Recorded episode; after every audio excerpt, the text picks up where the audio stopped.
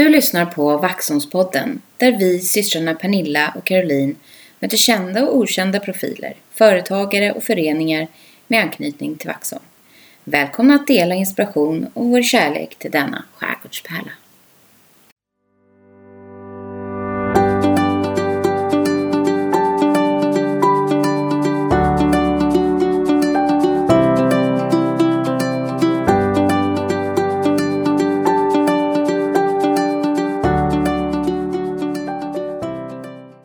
Hej Pernilla!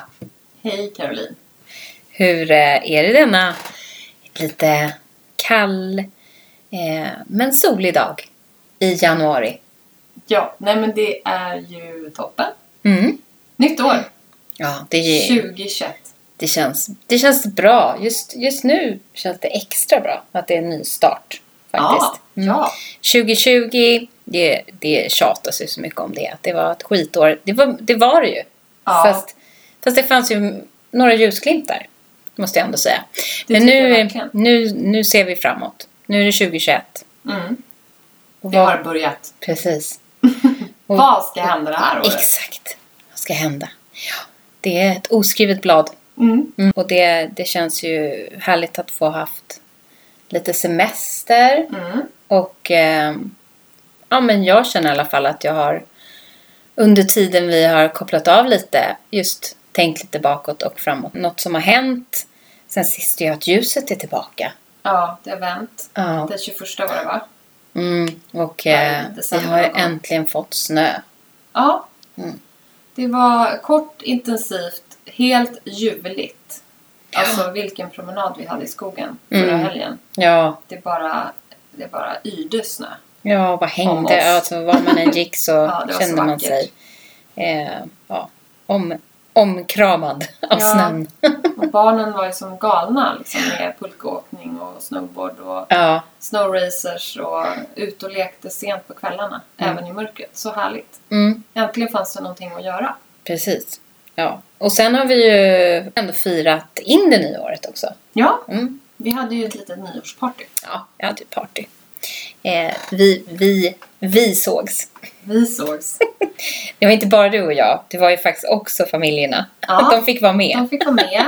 Och ehm, jag hade ju då eh, ja, äran att få vara iklädd hamburgare. Hela Hela nyårsafton. Ja, Jag hade ju fixat mig håret, Mm. satt på mig örhängen. Mm. Det matchade liksom inte riktigt. Men det var väldigt roligt. ja. De mer, lite mer allvarsamma pratstunderna gjorde sig liksom inte riktigt. Det gav lite krydda.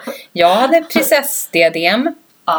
Eh, ja, och eh, som sagt, alla hade en liten härlig hatt. Mm. Som sen avslutades med eh, några olika tävlingar. ja hur, gick var- de, Pernilla? Nej, men jag var inte i närheten av att vinna en enda tror jag. Möjligtvis hatten då. Jag Mm. är ju väldigt eh, duktig på på med den. Får jag på den? Ja. Mm. Men i övrigt så var det ju en katastrof. Mm. Eh, resultatmässigt för mig.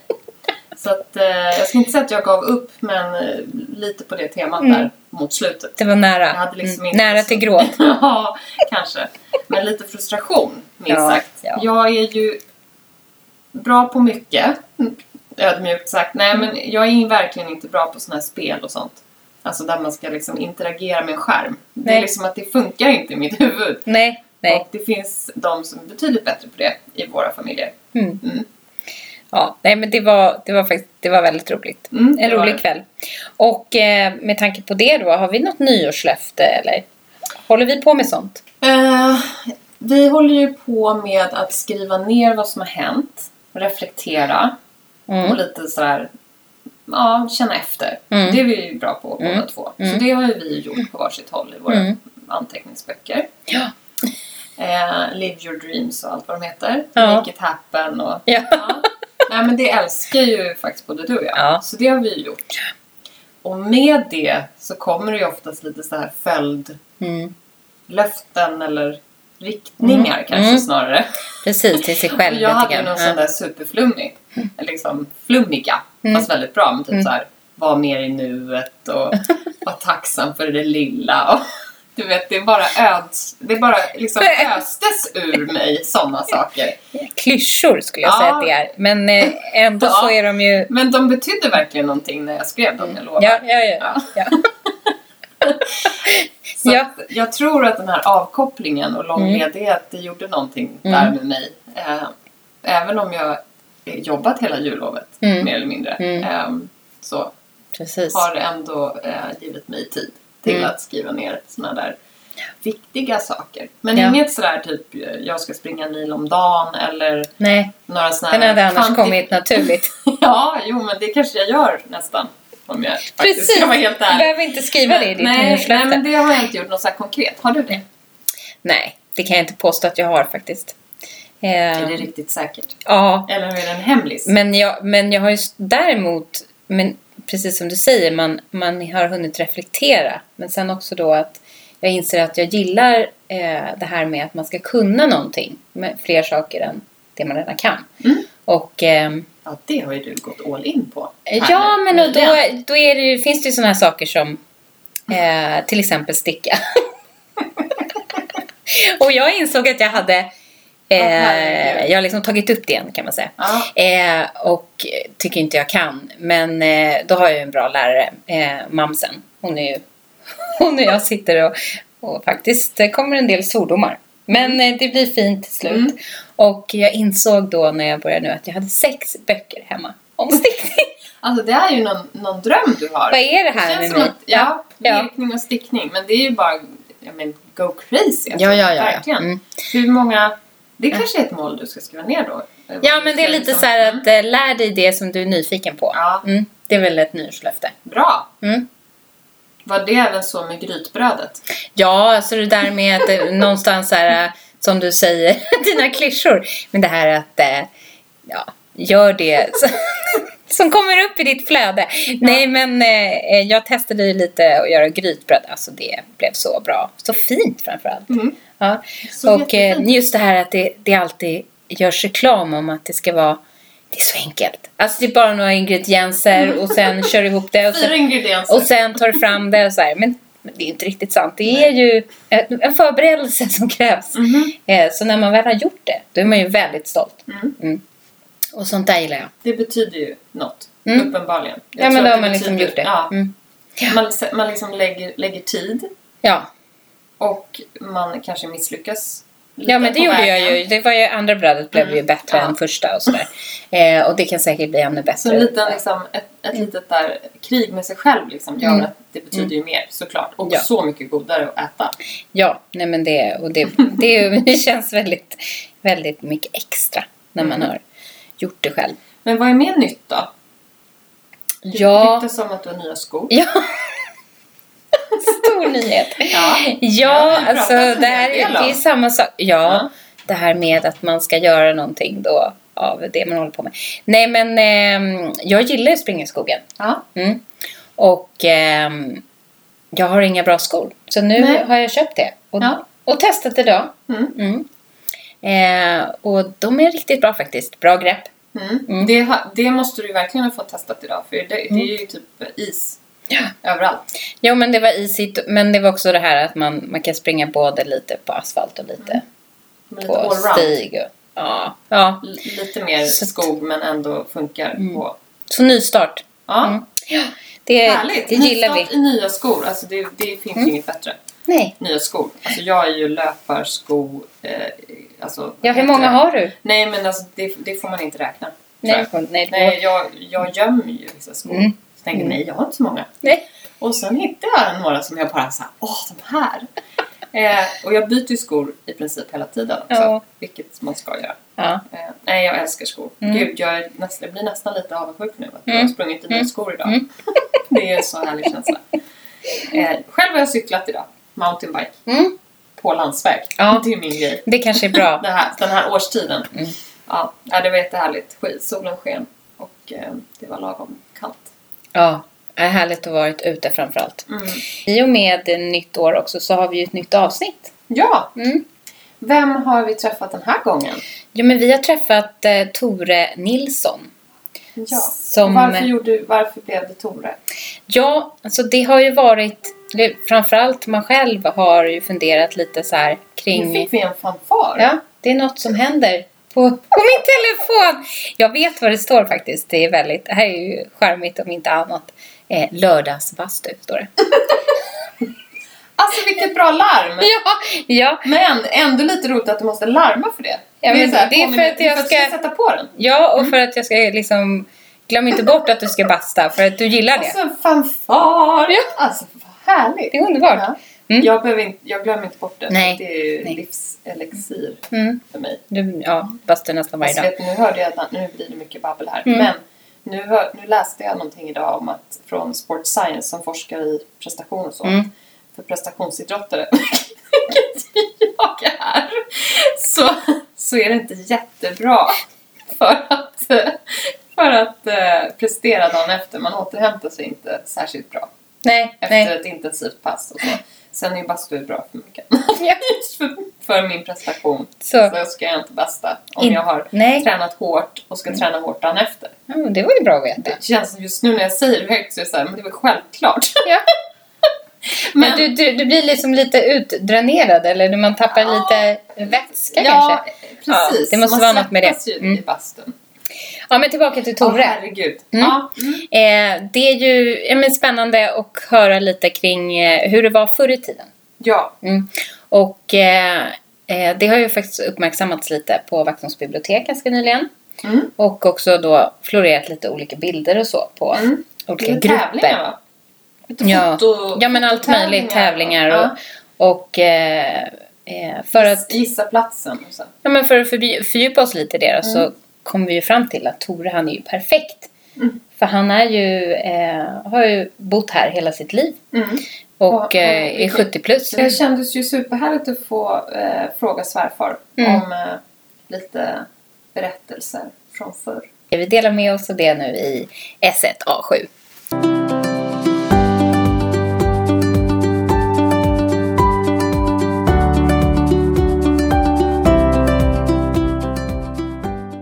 Tore! Hallå där! Hej, Välkomna! Tack! Du är också vi, välkommen. eh, vi har ju blivit inbjudna till en fantastiskt fina lägenhet. Just det. Ja. Där vi nu sitter och eh, ska få eh, prata med dig. Mm.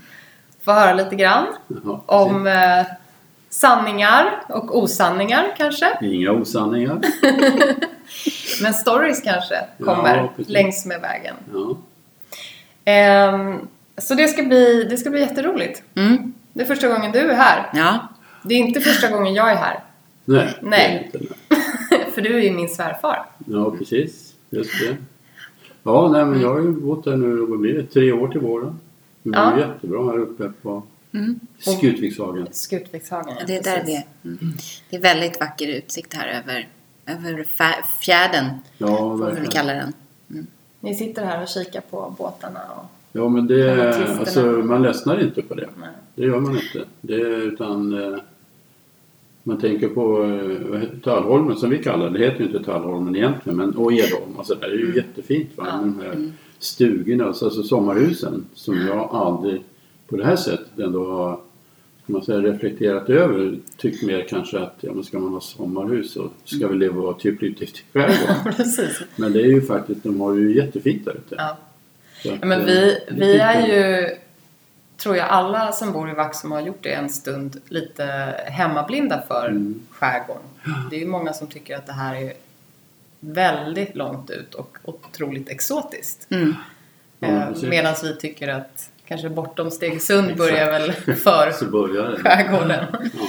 Ja, ja men eh, jättekul att få vara här i alla fall och få prata med dig på det här sättet. Eh, men eh, Vaxholmare, du är ju en sann Vaxholmare för mig i alla fall och säkert för många andra. Men vad Ja. är en riktig Vaxholmare? Eller känner du dig som en riktig Vaxholmare? Ja, det får jag väl säga att jag gör. Men sen det där äkta Vaxholm och sådär, det har väl att göra med inte bara Vaxholm egentligen, utan även stockholmare. När är man stockholmare liksom? Och, och eh, jag tycker väl är man född på ett ställe så då, då har man väl hemma där på något sätt. Men man brukar väl säga de andra tredje generationen som, ja då, då är det liksom äkta vara då. Ja, hur är det med det? Är det andra eller tredje eller? Ja, vad ska jag säga? Jag hade ju... Eh, min mamma kom ju från Höga Kusten, Nordingrå där uppe och eh, var ju dotter till lantbrukspar. Min morfar och mormor då som hade en gård som de levde på. Och det fanns ju väldigt begränsat med jobb. Mm. Alltså min mamma och pappa också på den, det var ju född 1914. Mm. Så vi pratar ju tidigt 30-tal när de var unga vuxna då. Mm. Så att vad hon kunde bli var typ antingen gifta in sig hos någon bondfamilj Mm. eller eh, sömmerskor och, och sådär. va. Annars så var ju mammorna hemma Mm. och så. Mm. Så att, att hon hamnade i Vaxholm det berodde ju på att hon hade en väninna som bodde typ i grannbyn. Som av någon anledning hamnade i Vaxholm. Den storyn kan jag inte egentligen varför hon hamnade här. Men hon ringde ju och sa till min mamma Anna kom du och liksom för det finns jobb till dig med. Mm. Och då hamnade hon i Vaxholm. Och eh, sen var ju min pappa han växte upp i Charlottenberg nära var i Värmland då nära norska gränsen. Mm. Och så han skulle göra värnplikten och det fick han göra på kastellet. Då. Ja, just det. Och Kastell? eh, det gör man ju, Jaha. ja visst. Och eh, när man är väl ungefär 20 år då och han för 14 så det, det var ju tidigt 30-tal eller sådär som de kom hit. Mm. Och så att säga på den vägen blev det ju då, då Ja. kan man säga. Så, Det är ju mod, nu måste jag säga ett väldigt stort mod både av väninnan som från grannbyn och Mm. även din mamma. Eh, att det är långt på den tiden kan jag tänka mig. ja men visst alltså. Alltså vad, man åkte tåg. Eller ja, tåg Ja. och... Eh, det gör man ju nu också. Men ja men, ja, men det var ju ett det större var ju, äventyr måste det ha varit. Det som idag man gör, kör egen bil liksom 5-6 timmar, det var ju nästan utflykt och övernattning. Va? Men Ja. alltså kommunikationsmässigt Ja. Mm. så var det ju ett stort steg att ta. Mm. Och det är klart att, eh, det vet jag ju min mormor och morfar, de har ju fått berätta som vuxen sen. Att det var ju läskigt på något sätt. Att, eh, Men, men supporterade de hennes... ja, det, ambition. det gjorde de ju på det sättet att det fanns ju inte något liksom, alternativ då. Nej. Utan man måste ju försörja sig och tjäna pengar och sådär. Och då, då, precis som det är nu, storstads eller stadsregionerna, de, där finns jobben. Mm. Och Vaxholm på den tiden med hela historien som vi vet med militär och sådär, det sög ju till sig eh, arbetstillfällen. För alla ska ju ha mat och kläder och hit och dit. Mm. Bröd och, och sånt där. Ja, jättespännande. Det berättar lite grann också om varför du bor här, antar jag. Men om vi går tillbaka lite grann. Om du bara skulle med några korta ord beskriva. Vem är du? Ja, Nilsson, vem är det?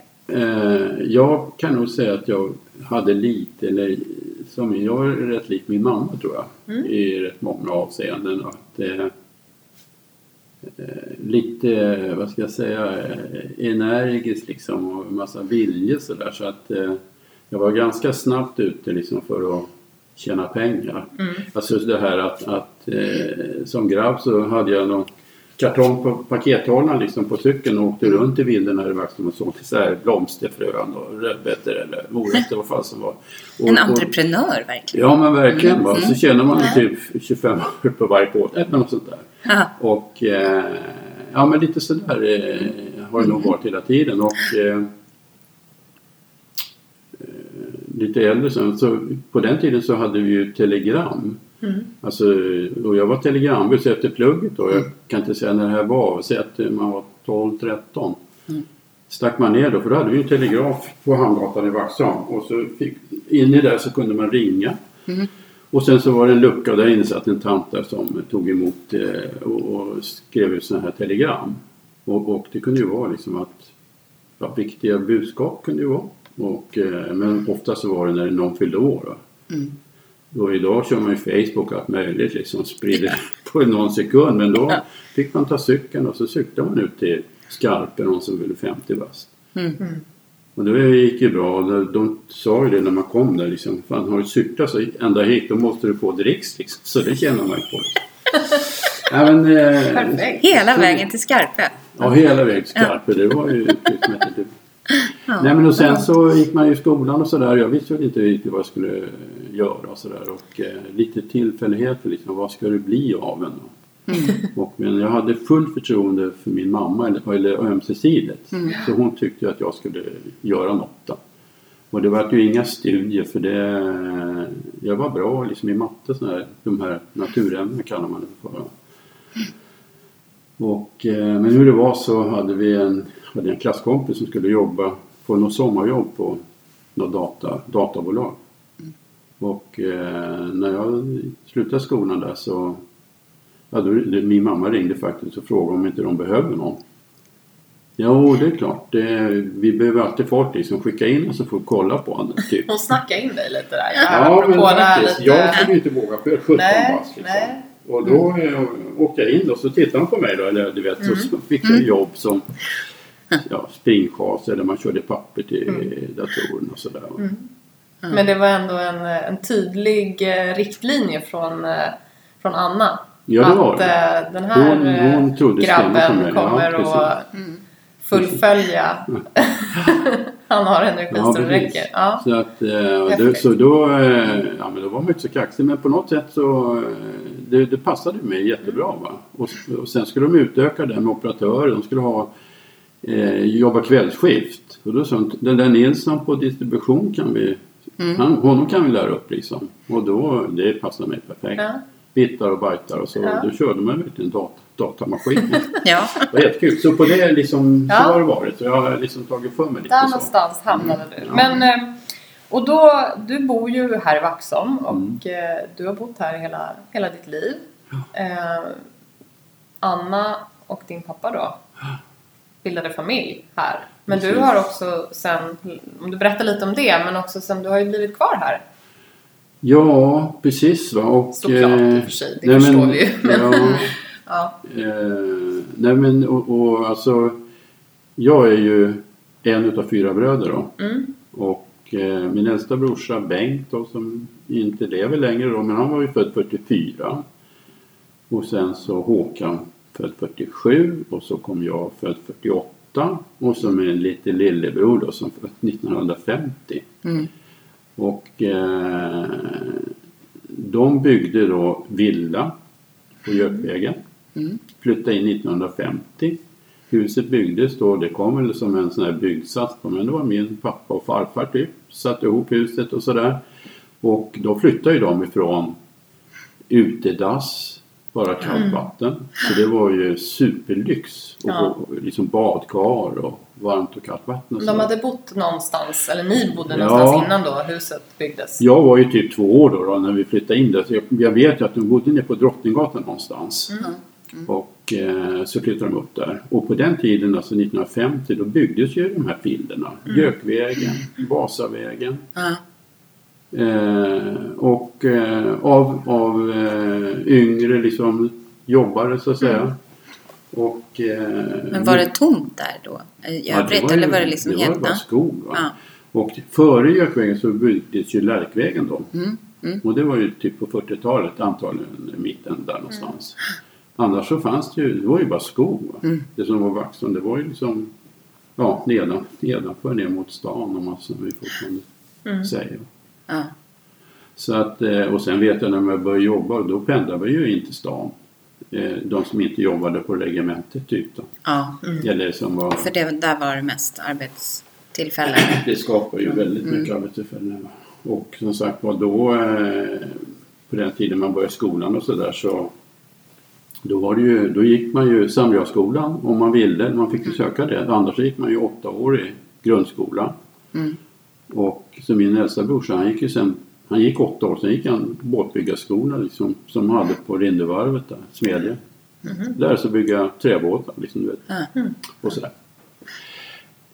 Nej men så, och där växte jag ju upp då, då och eh, senare när jag började jobba så, så pendlade ju vi till stan och eh, sen så, eh, jag hade ju redan då träffat Agneta som jag fortfarande Precis. håller ihop med. Ja.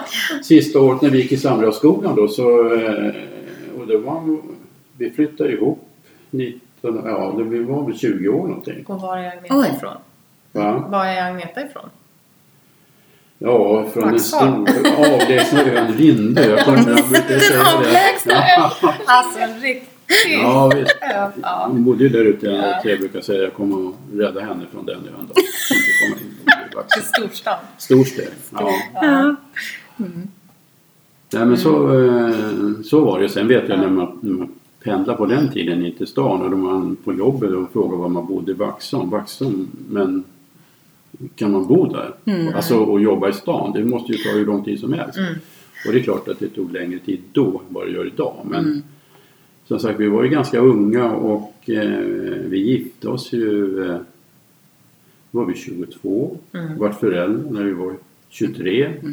Oj. Så liksom, eh, ja, man var, vart ju ung, vuxen ganska snabbt om man Mm. säger då. Och då, då var det naturligt att liksom att bo i Vaxholm ju. Hur pendlade man då? då? Med båt eller? eller? Nej, alltså eh, nej, vi åkte ju buss då. Ja. Och då fanns ju, då hade ju Vaxholm ett eget bussbolag, man säger Vaxholms Trafik. Mm. Och eh, då åkte man ju med den då. Köpte månadskort så åkte man med den och så eh, in till Jarlaplan. Mm. Och eh, sen var det spårvagn där inne då. För mitt jobb låg uppe på Ynglingagatan mot Norrtull till då. Mm.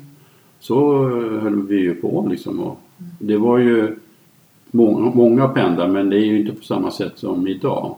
För då var det ju många fler som jobbade i Vaxholm. Just med regementet, militära och all den servicenäring som följer med det. Och inte, eh, inte minst då Rinde, Rinde smedja eller varvet där med alla båtar, bilar ska servas. Va? Mm. Fanns alltid jobb liksom. Om man ville. Ja. Knacka rost och måla båtar. Ja. Ja, men det är liksom li- enklare så på den Ja. tiden kan man säga. Men vad tror du att det har gjort då med, med liksom ditt, ditt liv?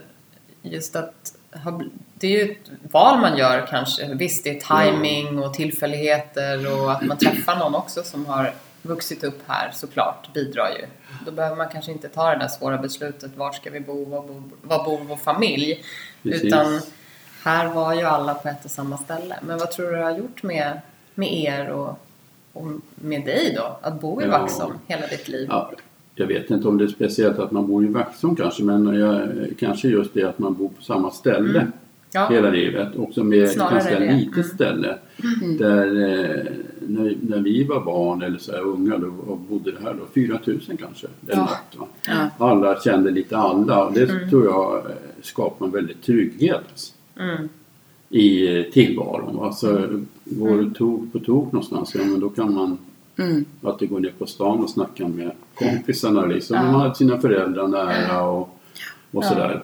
Så, eh, och det kan man väl tänka på. Alltså, om man säger idag, de som då åker från landsbygden eller mindre städer till de större för att plugga eller jobba sådär. När sommarlovet kommer eller semestern, då åker man ju hem liksom. Där har man ju sin, sina rötter, Ja. sin trygghet på något sätt. Så det tror jag eh, nog kanske att, att det har givit. Va? Mm. Mm. Har Man känner sig trygg i sig själv liksom. Ha, ja men det tror jag också. Jag känner, känner ju samma, eller det har vi Ja, sagt vi- många ja. gånger. Vi, vi, har ju, vi har ju samma Ja. som i gen- nästa generation också. Mm. Tack och lov. Och lyxigt. Men jag tänker, eh, hur har den här, eh, liksom, eh, har det funnits någon drivkraft under perioder i ditt liv där du har känt att du skulle vilja pröva något annat eller jag skulle vilja, tänk om vi hade gjort så här eller Klart, ja det är klart. mest att, bara kul att, att höra? Ja, Ja. Nej, men det är klart att eh, man har funderat någon gång in till Framför- stan som många gör. Ja, men precis va. Mm. Och eh, det ska jag nog säga att eh, det har legat eh, som en idé liksom att flytta närmare trots Mm. allt. Då. Mm. Men det är liksom, där kanske det- när man blir lite så här, ja, men, ska man det liksom? Dyrt är det och Mm. nej, men det, ska man pendla kan man lika gärna, när man kommer hem till Vaxholm från stan så är det så jäkla skönt. Mm. Och då är det liksom värt priset Ja. på något sätt. Så därför så har det inte kommit. Däremot när jag jobbade inom Sparbankeriet och data och sådär så hade jag en period när jag reste lite grann i Sverige. Mm. Eftersom på den tiden så fanns ju sparbanker i, ja lite här och där Överallt. eller överallt. va. Mm. Så då vet jag att jag var uppe i eh, Östersund på, liksom som kundbesök om man säger sådär. Och vi var ju också i, till fjälls någon gång då, då hade, och då, det sög ju. Mm. Så att där, där låg det tänk om man skulle jobba där uppe, alltså ha något hus längre uppåt. Mm. År, åt Årehållet. Mm. Det, den tanken har, har tänkts, det ska jag säga. Men eh, inte mer än en tanke egentligen. Så, har kunnat få kanske en del av, av det där ändå. Ni har ju varit i fjällen och, ja, och köpte ju också Ja, eh, ett ställe under några år. Ja, det gjorde som var Och, eh, fantastiskt. Nej men det är alltså fjällen för mig det var ju när vi gick i, i skolan, så jag började i skolan i, gick jag i Vaxö. Mm. Och eh, då, nu då då kan man, eftersom vi har vinter och lite snö ute, då åkte vi Mm. det var ju ska jag säga längre vinter då som man upplevde i alla fall. Då, då åkte vi ju skidor liksom, från Gökvägen och ner i snödrivorna, ner till skolan, ställde skidorna mot staketet. Liksom. Och så gick man i plugget. Gud vad charmigt. Gud vad härligt. Ja. Ja. Inget grus. Nej. Nej, det var, Nej. alltså, det var lite så, eh, det var, det var jättemysigt. Va? Och sparkar och sånt gick och alltså Ja. sparkcykel Ja, gick och åka på kanske. Ja, visst. Och sen när man kom hem från plugget, in och käkade en macka, sen stack man ut och åkte Mm. skidor liksom. Ja.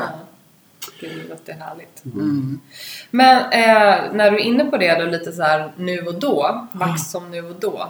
Det som är, jag tycker är väldigt spännande att lyssna till det är ju när man beskriver eh, Vaxholm, hur det har sett ut och platser och sådär, miljön. Hur såg det ut i Ja, Förr. eh, ja precis. tiden. Men det som är... Men de stora skillnaderna, vad är de Ja, stora nej, men jag, jag, jag brukar ibland tänka så här, om man åker båt ifrån Strömkajen, typ Storskär eller de här båtarna. Mm. Och så åker man, det tar väl ungefär en timme till Vaxholm. Och Mm. de lägger till med olika bryggor, det är jättefina hus liksom. Och då har man ändå åkt en timme, det är ganska långt. Mm. Och sen när man kommer då mellan Tenö och, och Tynge där liksom i sundet så ser man Vaxholm. Mm. Och, det, det, och det, det man ser är ju i princip hotellet och sådär men där är det ju helt plötsligt någonting annat. Ja, En sommarhus. Ja. Och, eh, och, och tar man den delen av stan så är ju väldigt mycket detsamma just om man säger hotellet och sådär. Det nere vid kajen liksom. Ja, det man precis. möts av. Ja. Men Nu, den kajen som är nu fanns ju inte då. Nej. Då var ju kajen så att säga mycket, mycket mindre, alltså smalare. Eh, och så var ju center, eller center, hur man säger, det var ju mycket mer runt hotellhörnan och sådär. Mhm. Hotellhörnan var ju en tobaksaffär. Vaxholmsbåtarna Mm. låg också till då som nu runt hörnan och sådär. Och sen hade ju Vaxholmsbolaget sitt kontor där. Och eh, vidare där munhälsan var, det var ju Sanders bageri och konditori. Där jobbade min mamma då i många år och även pappa som bagare där. Ja. Och sen när man kommer förbi det så där, eh, där huset som Rospiggen då, begravningsbyrån håller till. Eh, där låg ju Systembolaget. Så allting var lite så här Ja, förskjutet precis, liksom åt va. andra hållet. Och sen vidare bort mot magasin. Magasinet då var ju Lövdahl och Svensson med, med smedja och, och rörmokeri och sånt. Då. Och det är ju lite häftigt för det är ju själva byggnaden det är ju kvar och går man in Ja. i butiken så ser man ju Ja. de här gamla grejerna. Det tycker jag är jätte, Ja. jätteläckert. Så där, där var det ju liksom samling, samlingen kan man säga. Och ingen Mm. mack då, där. Det- Till exempel. Fanns macken? Ja, fanns. macken. Jag Ja. tror att, om jag kommer ihåg rätt så hette det Catrix. De hade även en pump liksom i land så man kunde tanka bilar där då också. Men så där var det ju väldigt mycket och Systembolaget var ju känt liksom. Där, På den tiden då var det ju liksom en disk och så fick man ju Just det. expedierad. va. Ja, Ja, det. ja. Och på, på vad heter det då, disken så låg det sån här silkespapper typ. Ja, fyrkantiga just det. grejer va. Och så kom gubbarna in och skulle ha, de kallade det, de skulle ha en halv böj. Ja, det har jag hört Ja men liksom om. då böjde sig eh, han han som sålde liksom ner för han, då hade de en typ Kvarter Explorer i en låda under. Ja. Och så upp på pappret och så rullade man in det där. Ja. Så Hade man den? hade man den liksom i Det var, det fickan som, det var kassa, kassakon. Ja men precis. Ja. Så att, eh, och då fanns ju inte eh, där, alltså, där systemet nu ligger. De husen byggdes ju typ på 50-talet. Ja. Och eh, innan det så då, då var ju det Ja, det fanns väl någon mack och, och lite sådär men i, i, inget annat Nej. som egentligen Men har bussterminalen eller bussvändhållplatsen Ja, varit där hela tiden? Ja, det var eh, det kan man ju säga och, tittar man på Söderlandsplan så där Pressbyrån ligger idag och, även eh, grekiska och gamla Swedbank. Det är ju utbyggt i gatuplanet och det var ju inte då på den tiden så då stod ju bussarna mitt på Söderlandsplan. De hade liksom uppställningsplats där sen rundade de och körde så att, eh, och, och det fanns ju väldigt enkel förklaring till att det var så. Just för det att åkte man båt till Vaxholm eller från Vaxholm och, och sen buss. För det gjorde man ju mera Mm. då än nu kanske. Då skulle det vara nära emellan. Just det. Så, Det är och det är väl liksom fortfarande bakgrunden till skälet att till det- att ja. bussarna fortfarande står där de står. Ja, ja.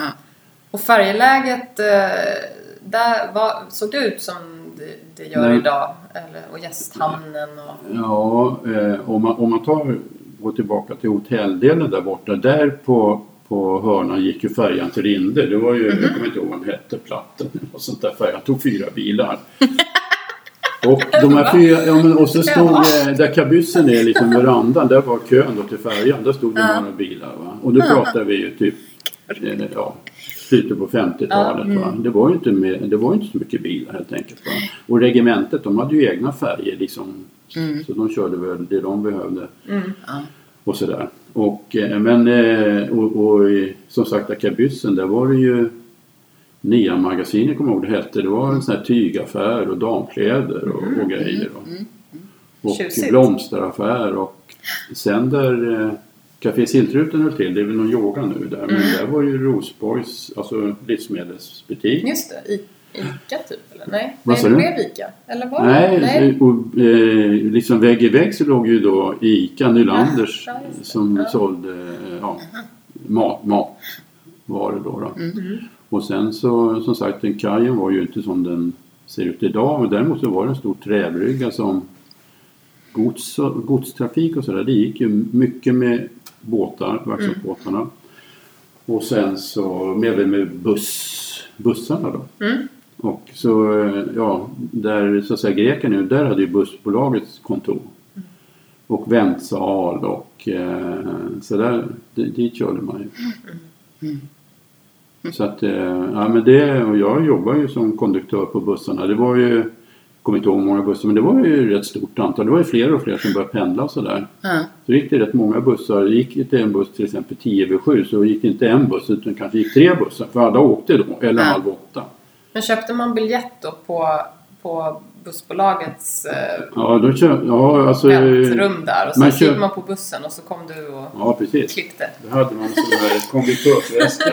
Ja. Och sen hade man en sån här, eh, jag kommer inte ihåg vad de kallar det för, men man hade mynt då.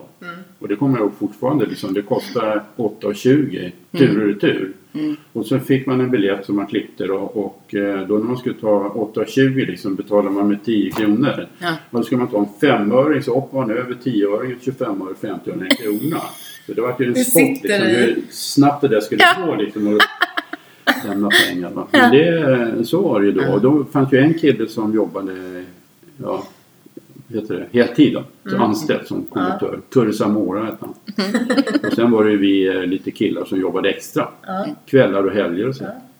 Och på sommarlovet. Jag kunde vara då 15, 16 Och då år. åkte, åkte man med då hela vägen runt? Jajamän. Eller hela tiden? Man jo, var på men, bussen eh, man, hela tiden? eh, åkte, åkte från Söderhamnsplan. Då satt man bakom eh, han som körde på en liten eh, säte som man vek ner där. Ja. Ja. Och sen då när man körde, då körde vi ju gamla vägen. Just det. Alltså där eh, Ica upp där och så runt Pettersberg över Påsensbron Just det. och eh, in mot stan. Så när man kommit över Påsensbron då börjar man ta betalt. Oftast då. Och, eh, och jag minns ju liksom på sommarlovet där när de körde ju gods liksom på bussarna.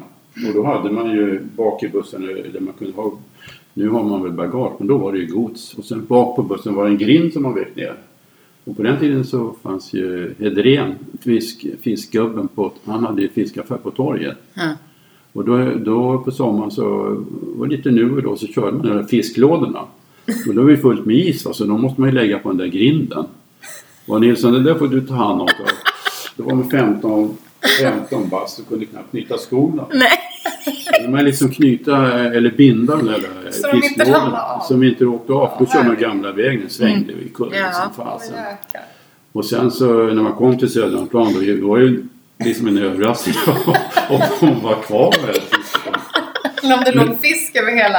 Ja, men liksom. det var ju lite oro för det. Men Ja. ja. ja, man hade lite tur också där. Men de fick lära dig liksom. Då stod surra han, Hedrén där med sin kärra och väntade på fisken. Ja. Och då var det färsk fisk. Alltså, Och då kom den inifrån stan någonstans. Ja, precis. De Då körde hade man ju in. kanske trott att det kom från Ja, det gjorde det säkert också. Det men det också, var, ja. väl, ja, ja, det var inte bara strömming de sålde Nej. utan det var också kannad fisk också. Ja, då. precis. Ja. Så att då på Jarlaplan där bussarna, det var ju också en stor ja, busstation då med godsterminal får man säga. Mm. Mm. Så att, eh, och, och då pratar vi ju mitten på 60-talet. Men varje busstur måste ju tagit väldigt lång tid. Med, då skulle det liksom lastas av och...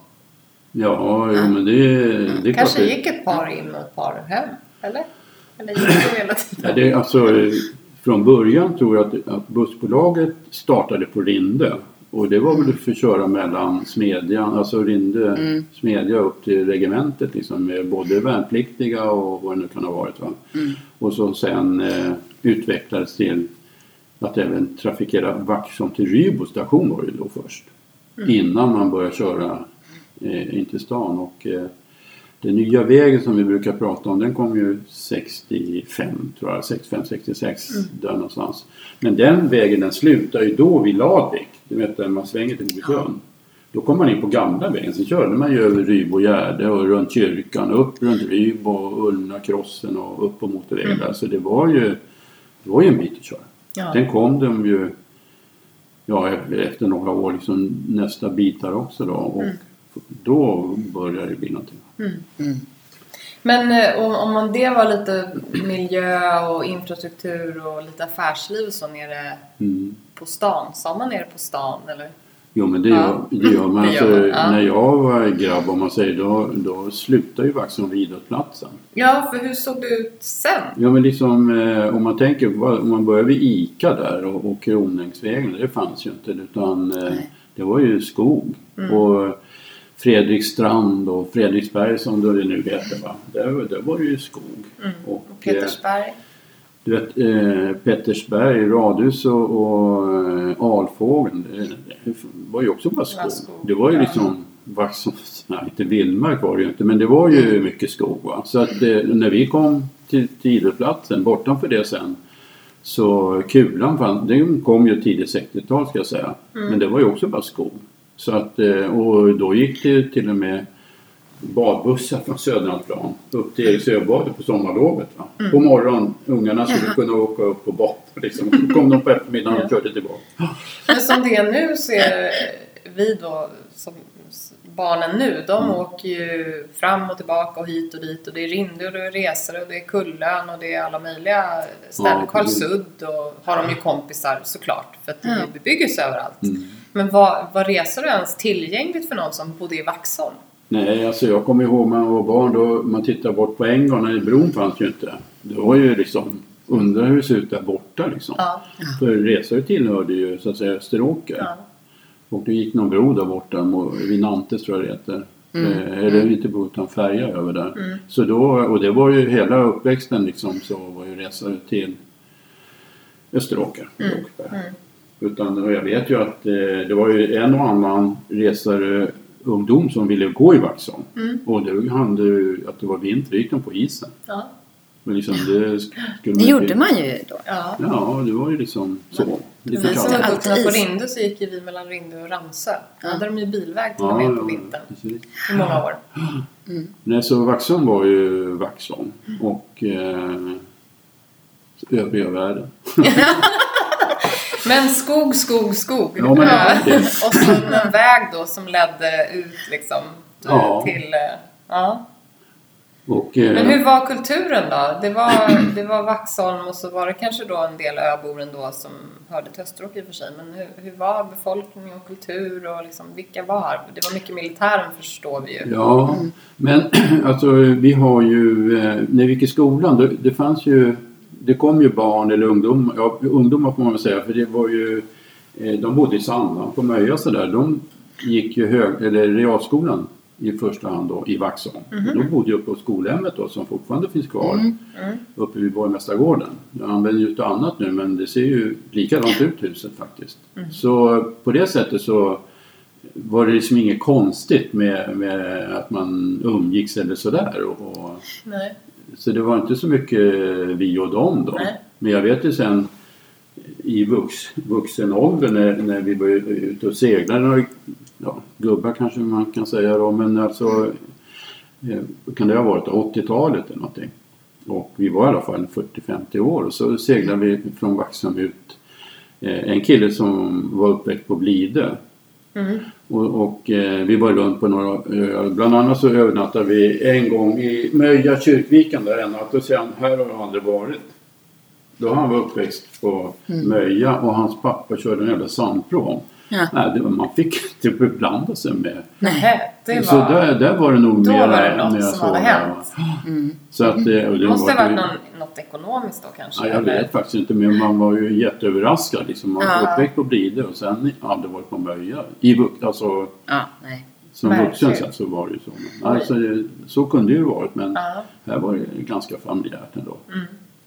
Men när upplevde du att, eh, att det började förändras? Var det när regementet, eller liksom, det var ju tidigare än så, men när började det liksom exploateras och byggas? Och... Jag tror att det hänger väl rätt mycket ihop med att eh, alltså jag är född 48 och sådär och vi vet ju kriget, eh, andra världskriget tog ju slut 45 Mm. och eh, det är ju känt liksom 40-talisterna, de var ju många, alltså stora, mycket barn. Mm. Och eh, även om vaccinen var lite så var det ju eh, mycket barn. Va? Och eh, det första som byggdes som jag kommer ihåg det var ju Kulan. Mm. Hela det kvarteret byggdes ju då på 60-talet. Eriksövägen. Ja, och eh, det var ju exotiskt. Och jag vet ju liksom flera som jag vet jobbade då på Sveriges Radio och, och Sveriges Television som det hette. Som eh, där fick veta det, hur det nu gick till att, att kunna flytta till Vaxholm. Då var ju kommunen, om jag kommer ihåg rätt i alla fall, Vaxholms bostäder som byggde. Mm. Och det var ju hyresrätter alltihopa. Och det var ju jätteläckert som- att flytta till Vaxholm. Och det var väl där liksom inflyttningen började. Eh, med att det kom liksom ny, nya människor till Vaxholm i större omfattning. Plus att det är många vaxholmare förstås bodde i Kulan. Eh, och efter Kulan så kom Alpågan. Och eh, ungefär samma tidsanda då så byggdes ju övre Pettersberg som vi kallar som vi bodde då. Agneta och jag många år. Men tror du att det var alltså, barnkullarna som växte upp och det fanns stora behov och det liksom spred ringar på vattnet? För när din mamma och, och Mm. din pappa flyttade hit så var det ju mycket för att det, det fanns jobb. Ja, men Och så, militären ja. drev liksom hela ekonomin och sådär. Men de som flyttade hit senare tänker jag, vad, vad tror du är det som har lockat men jag, hit mycket, människor? mycket tror jag att eh, det är fortfarande intressant och fint att bo i Vaxholm. Fint i den meningen att det är trivsamt och, och läckert och det har väl att göra med vattnet och allting som finns här. Men i takt med, ska jag säga, att, att hela Stockholmsregionen växte så växte det även uppåt eh, åt vårt håll. Men när, när vi var yngre i Täby, det var ju ingenting, då körde man bara förbi. Va? Mm. Och i Vaxholm fanns ju, nej men det var ju lite så och eh, i Vaxholm fanns ju alla butiker som man behövde. Det fanns ju herrekipering och damkläder, skoaffär, handskar, you name it. Så att, eh, och Arninge fanns ju inte. Nej. Utan det kom ju bra tror jag det hette när det kom där någon gång på det. 60-talet ska Ja, jag säga. Va? Och TV Centrum också. Ja, just det. Nej men typ lite senare. TV Centrum någon gång på, på den tiden. Men jag ska säga det också att, att när den nya vägen kom Mm. eh, så gjorde, underlättade ju det att resa. Och sen så, och det minns inte jag, men det Vaxholms trafik då, alltså bussbolaget. Det vart ju så att säga in, det uppköpt då, av SL. Mm. Eh, så, och, och då vart det ju en annan, annan infrastruktur och möjlighet ska jag säga att, att eh, och billigare att resa och också då, då börjar ju med pendlingen ska jag säga bli så mycket mera. Och hela resare blev ju tillgängligt med förtätning och, och permanentboende som ja. tidigare bara var fritidsboende i alla fall i huvudsak. Så det var väl lite så här snöbollseffekt kan jag säga. Att det spred sig liksom. Ja. Och, Det gick att kombinera karriär och jobb i, i Stockholm med Absolut. att bo på det här fantastiska sättet liksom, när man väl var ledig. Ja, det tog en timme från dörr till dörr Ja. oftast om man jobbar någorlunda centralt. Va? Och bodde man i Bredäng eller var man nu kunde bo så ska åka och byta någon tunnelbana och sådär så tog det också Lika 45 lång minuter. Så det ja. var väldigt lite extra tid om man säger Ja. jämfört med väldigt många. Så att, eh, det, och det har ju underlättat ju mycket. Och Mm. Det är fortfarande attraktivt. Jag läste i förra veckan att priserna i Vaxholms bostadsrätter har gått upp mest i länet Ja. nu Ja. under de här tiderna. Så att eh, många vill bo här. Så Ja. det har nog alltid varit så. Ännu mer nu kanske, när allt kommer vara på distans eller i alla fall ex, det accelererar distansarbete och så, Ja. så man kan få ännu mer tid i den, den här lugna miljön än att Ja. sitta och pendla. Mm. Får vi väl se. Eh, Men föreningsliv och sådär då, eh, nu och då? Fa- Fanns det, Alltså någon, föreningslivet fanns det är något föreningsliv Ja, eller men med alltså, idrott och aktiviteter för ungdomar och sådär? Mycket av det som finns idag fanns ju då också. Tänker jag på IFK Vaxholm som då var, eh, då var ju det en idrottsförening. Alltså du hade flera sporter, nu är det väl i, i princip bara fotboll. Mm. Eh, men du hade ju rodd och kanot, det var ju liksom... Eh, Det var en förening alltid? Liksom. Nej, Nej. nej roddföreningen var ju Ja, själv. Ja, Ja, mm. Och kanotklubben Ja, och det. sällskapet var ju Mm. sitt. Mm. Men sen för- skulle jag säga att det fanns andra föreningar också eh, som jag själv var till exempel med Ungdomens Röda Kors. Mm.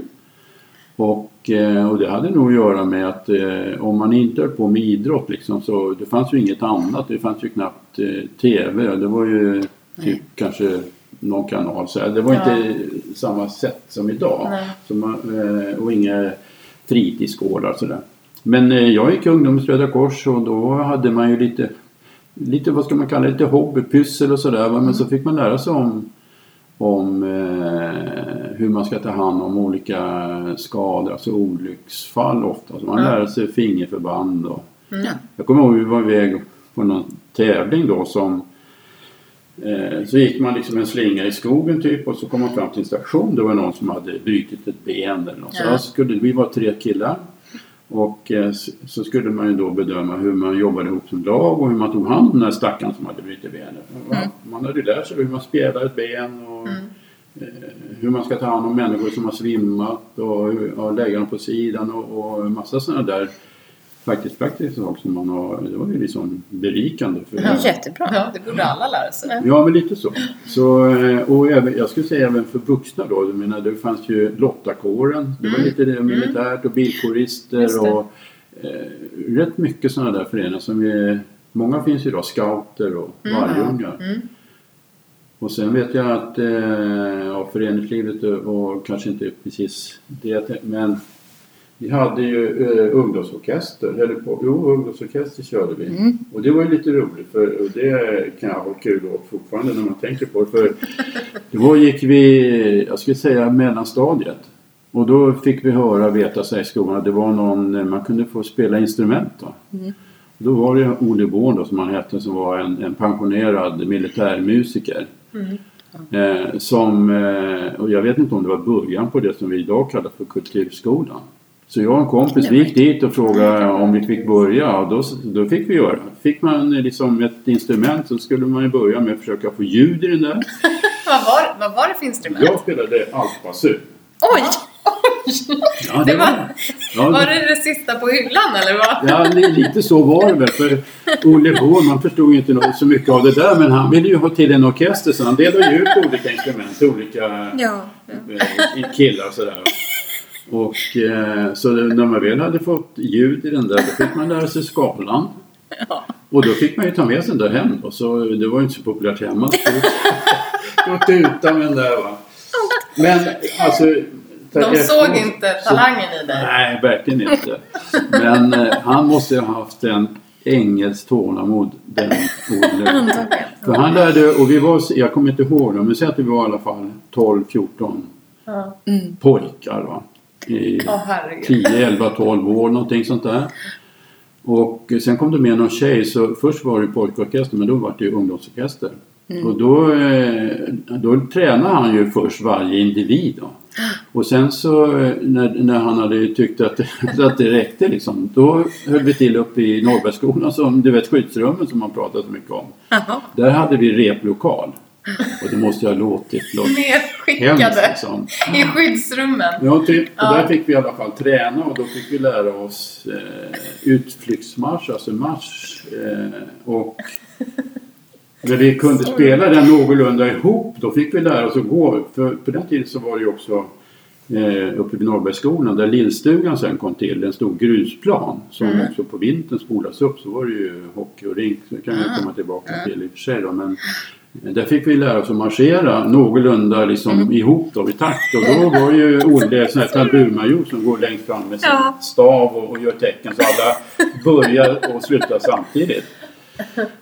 Och, eh, men det var eh, alltså ett, ett väldigt bra gäng och när vi hade kört ett tag och det första uppgiften vi fick sen så här, som eh, uppdrag det var att då fick vi spela vid skolavslutningen. Då, gi- då gick vi, marscherade vi ner till färjan och hämtade Rindebarnen för då gick man ju i skolan på Rinde upp till sexan ska jag tippa.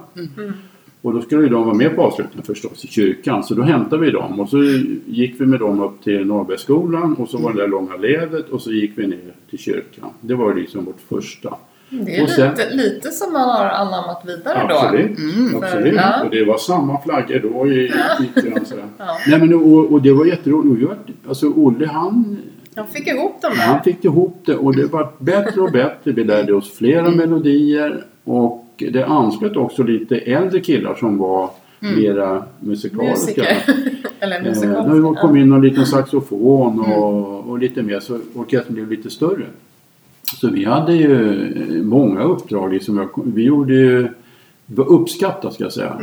Och det är det ju. Alltså, du vet, eh, militären tidigare hade ju sina orkestrar med och trummor och, och, och grejer. Va? Det roar folk. Ja.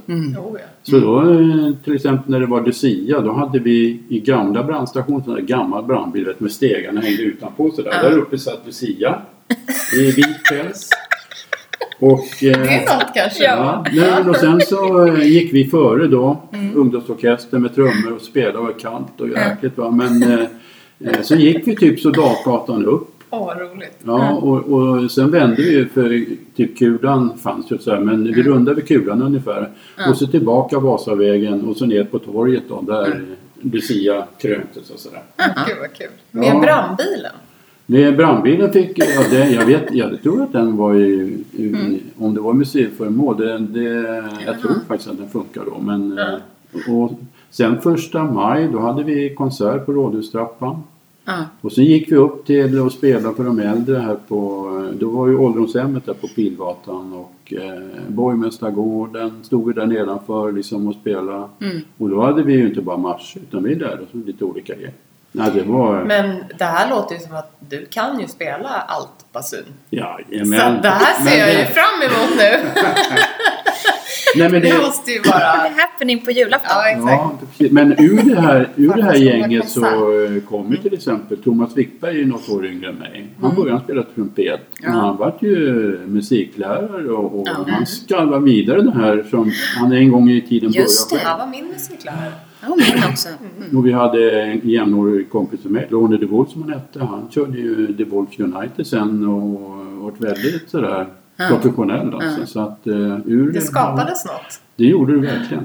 Ja, det var mycket, mycket nöje. Jag roligt slutade- att höra. Ja. Mm. slutade just när jag började jobba och jobba skift och sådär. För det, ja, och sen var det, jag spelade ju altbasun, då är man ju mest komp. Mm. Och det är ju roligare om man lär sig melodier och spela, skulle Mm. jag säga. Tror jag alla fall. Så att, eh, då var det svårt att kombinera det för mig. Ja. Men eh, orkestern växte, vid, eller växte vidare, men levde vidare ska jag säga. Mm. Och kallades senare för Vaxholms Brass. Det var som lite rester från det. Mm. Mm. Så det var ju eh, lite spett. Det var ju det var en liten kul grej faktiskt. ja, verkligen. Men sen föreningslivet i övrigt och jag är ju en hockeykille får jag ju erkänna. Det är min, min Ja. stora passion egentligen då. Jag var väl ganska duktig tyckte jag själv på att åka griller och sådär men jag var med i Tumbas hockeyskola. Man skickade efter, fick hem i posten liksom hur man skulle lära sig skjuta höjdare liksom. Så gick det till i alla fall. Nej, men då, Ja. eh, då eh, hade ju hockeyn har ju alltid haft ett, ska jag säga, stor förankring Hur kommer det sig tror du?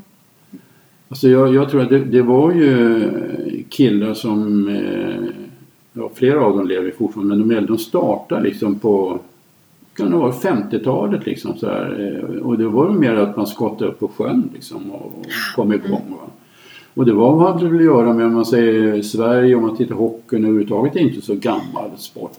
56 till exempel, då var ju Sverige världsmästare i Moskva om jag kommer ihåg rätt. Och så där, det var väl lite det som drog igång några. Och sen har det, har det vuxit och de killarna de eh, körde ju vidare som vuxna sen och började Och blev kvar i Vaxholm? blev kvar i troligtvis. Vaxholm va? och eh, då byggde, som sagt Sandplanen uppe vid Norrbergsskolan där eh, satte man ju upp en rink och, och där var det natur, alltså man spolade ju med slang. Trulle, Trullevallen kallar vi för. Då hade vi ju en Heter Det tycker vi kan ta Ja, tillbaks men den. Ja, en, det tycker jag eh, verkligen. Han hade väl titeln stadsträdgårdsmästare. Ja. Och eh, skötte väl egentligen det sin huvudsyssla men på vintern är det inte så mycket blommor och grejer. Så, men Nej. han skötte ju Trullevallen och, och spola och sådär. Och han skötte även den här lilla sandplanen som även då fanns på lägret. Och så Ah. att innan man eh, fick upp den där eh, hockeyrinken då åkte vi där och spelade. Då var det så då som... Där är asfalterat nu eller? Nej? Ja, det kanske det är va. För eh, du har någon, i dagens läge någon sån här basket Ja, det. Mm. Och det var någon skateboard Mm. Där var det det. sand. Ah. eh, Och där spolade man ju upp på vintern också. Och då var det ju, fick man ju vara klubbor vissa tider och sådär. Mm. Och, eh, men det kanske man inte alltid följde va. Och då kunde Trulle komma. Inte smygande men vi såg honom inte liksom när, när eh, han kom. Då, då tog han klubborna för killarna. Jag jäklar. faktiskt klarat mig. Och så fick man hämta dem på polisstation. Nej! Åh, Det var hårda bud. vad förnedrande. Det kanske skulle behövas lite sånt. Sådana takter även i, fick, man nu. lära sig liksom. Ja. ja, vad kul. Nej men så började det och, eh, och sen var det ju, vart det ju fler och fler som spelade hockey. Ja. Det var ju inte organiserat med ungdomslag. Alltså jag spelade ju något ungdomslag, var med i Sankt Erikscupen och sådär men det var ju inte det var ju mer än det var någon match annars Mm. var det ju allmänhet. Man åkte upp och lirade på kvällarna och sådär när inte Ja. A-laget hade match och, och sådär. Och sen så gick det ju bra för eh, A-laget så att eh, det vart ju, vad ska man säga, väldigt känt liksom Vaxholm. Jättebra i hockey liksom. Hur är det möjligt? Den jävla fiskargrabbarna Ja. där ute. Ja får de ihop lag överhuvudtaget. Men eh, så var det va. Och eh, Pelle Lindelöf som kom till Vaxholm från eh, Sundsvall, jätteduktig. Så det, det kom lite Mm. så här influenser som lyfte eh, laget. Va? Och Kenta och Danne som kom eh, också som eh, ja, mellanstadietid, typ då, jättebra killar och sådär. Och så växte det fram och stort intresse då för alla andra ungdomar och vaxholmare. Så att vi åkte ju runt, det gick ju bussar till bortamatcher och, och eh, Nej, det var, det var väldigt engagerande. Va? Och sen så, och då var det ju IFK Vaxholm. Mm. Och det fanns ju, idrottsplatsen fanns ju. Men och sen var det ju Norrbergsskolan och eh, Rinken men det var ju liksom inga omklädningsrum. Nej. Utan då hade satt man och bytte om uppe i kulan, alltså A-laget då, Ja. i kulan och så hade man grillorna i handen och så åkte man upp och så stod det sådana här eh, typ manskapsvagnar som man brukar ha på byg- byggen liksom. Ja. Där fick man gå in och sätta på sig. Men, ja, så var det Det liksom. spelar inte så stor roll. Lite antar så här jag. baracker och Sen liksom, bara ja. komma ut på isen så... Så ja. Sen var det Ja. bara liksom att, lira på. Men eh, sen var det några år där eh, hockeyn kost, började kosta pengar hit och dit och man eh, kanske hade lite brist på spelare någon, något, något eller några år. Mm. Så att då eh, lades hockeyn ner i Vaxholm Mhm. och slogs ihop med Österåker några år.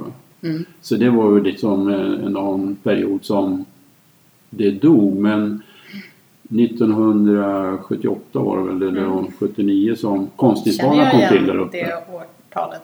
Vad sa du? Det årtalet känner jag igen. Ja, precis. Jo, Eftersom vi precis. numera har en sponsringsklubb som heter det. Ja, ja. IK Vaxholm startade då va? och det var ju om jag kommer ihåg rätt Danne Jakobsson och Pelle Lindelöf som drog igång det. Och så ritade man ju den här eh, klubbmärket Skölden. Det var ju skolan. Eh, kanske ni var? Nej, det kanske var tid före Nej. eran tid då. Eh, som också valdes då som, eh, Ja. som klubbmärke för hockeyklubben. Så att, eh, och, och eh, då tog det ju ny fart för eh, både A-lag och speciellt ungdomsverksamheten vart ju, ska vi säga, ordning på. Och jag var en av dem som var med i styrelsen då. Och då jobbade vi med, och då var ju de äldsta, vad kunde de ha varit, född 68 och de yngsta var 71 tror jag då. Och så fylldes det på. Lämnade ut lappar i skolan till alla unga var- varje höst liksom. Att eh, hockeyskola och allt det där. Och då betalade de medlemsavgiften. Då gjorde vi det någon lördag på Storstugan. Ja. Och eh, då, fick, då betalade man några hundra medlem så fick man en hockeyklubb. va. Så att alla skulle kunna vara med. Liksom. Gud vad schysst. Det var ju. Och det, ju- alltså, det var lite roligt för vi hade en kille som var i, i bilbranschen och jobbade i stan. Och han var en sån här affärskille så han på våren när hockeysäsongen var över då åkte han runt i sportaffären och köpte upp hockeyklubbor. För det är liksom, eh, de hade ju ingen användning för dem, fick köpa dem billigt. Och så hade vi någon kille som kände någon inom det militära så la vi klubborna över sommaren i något sånt här jordförråd, liksom lite mörkt och lite halvfuktigt som inte skulle bli så jävla torra hår. Och så fick barnen då en klubba när de Ja, betalade Vilken lycka. Det måste ju ha varit heaven för dem. Bra idé Ja, alltså. väldigt bra idé. Och just det här, man, man kan ju aldrig nog prata om alla dessa eldsjälar Nej. som får saker att hända och som, som vågar se liksom, resultatet innan Ja, det finns visst. där. Ja. Och våga ta de här stegen och jobba Mm. på. För det är ju mycket hårt jobb bakom. Mycket tid, mycket engagemang och Absolut. en hel del eh, liksom, på vägen. Både små och stora hinder. Ja, det kommer, Det är häftigt. kommer inte av sig självt, det gör det Nej, inte. det gör det inte. Nej, men där ska jag säga att eh, riktiga omstarten blev och sen har det ju bara egentligen vuxit i, Mm. i huvudsak. va. Och sen då tidigt 90-tal, 93 om jag kommer ihåg rätt, då byggdes ju hallen. Alltså Mm. den som fortfarande gäller. Då var den lite enklare i utförande men det Mm. var ändå väderskydd. Alltså, Jo, vi kommer ju ihåg alltså, Ja, vi verkligen de här utrinken ute. Ja. med läktaren och båsen. Ja, ja, ja. ja, precis. Ja. Och, Det var ju eh, Rätt kallt. Ja, men det var ju härligt. Ja. Då hade, hade vi ju Py- Pytte som tog betalt. Ja, just det.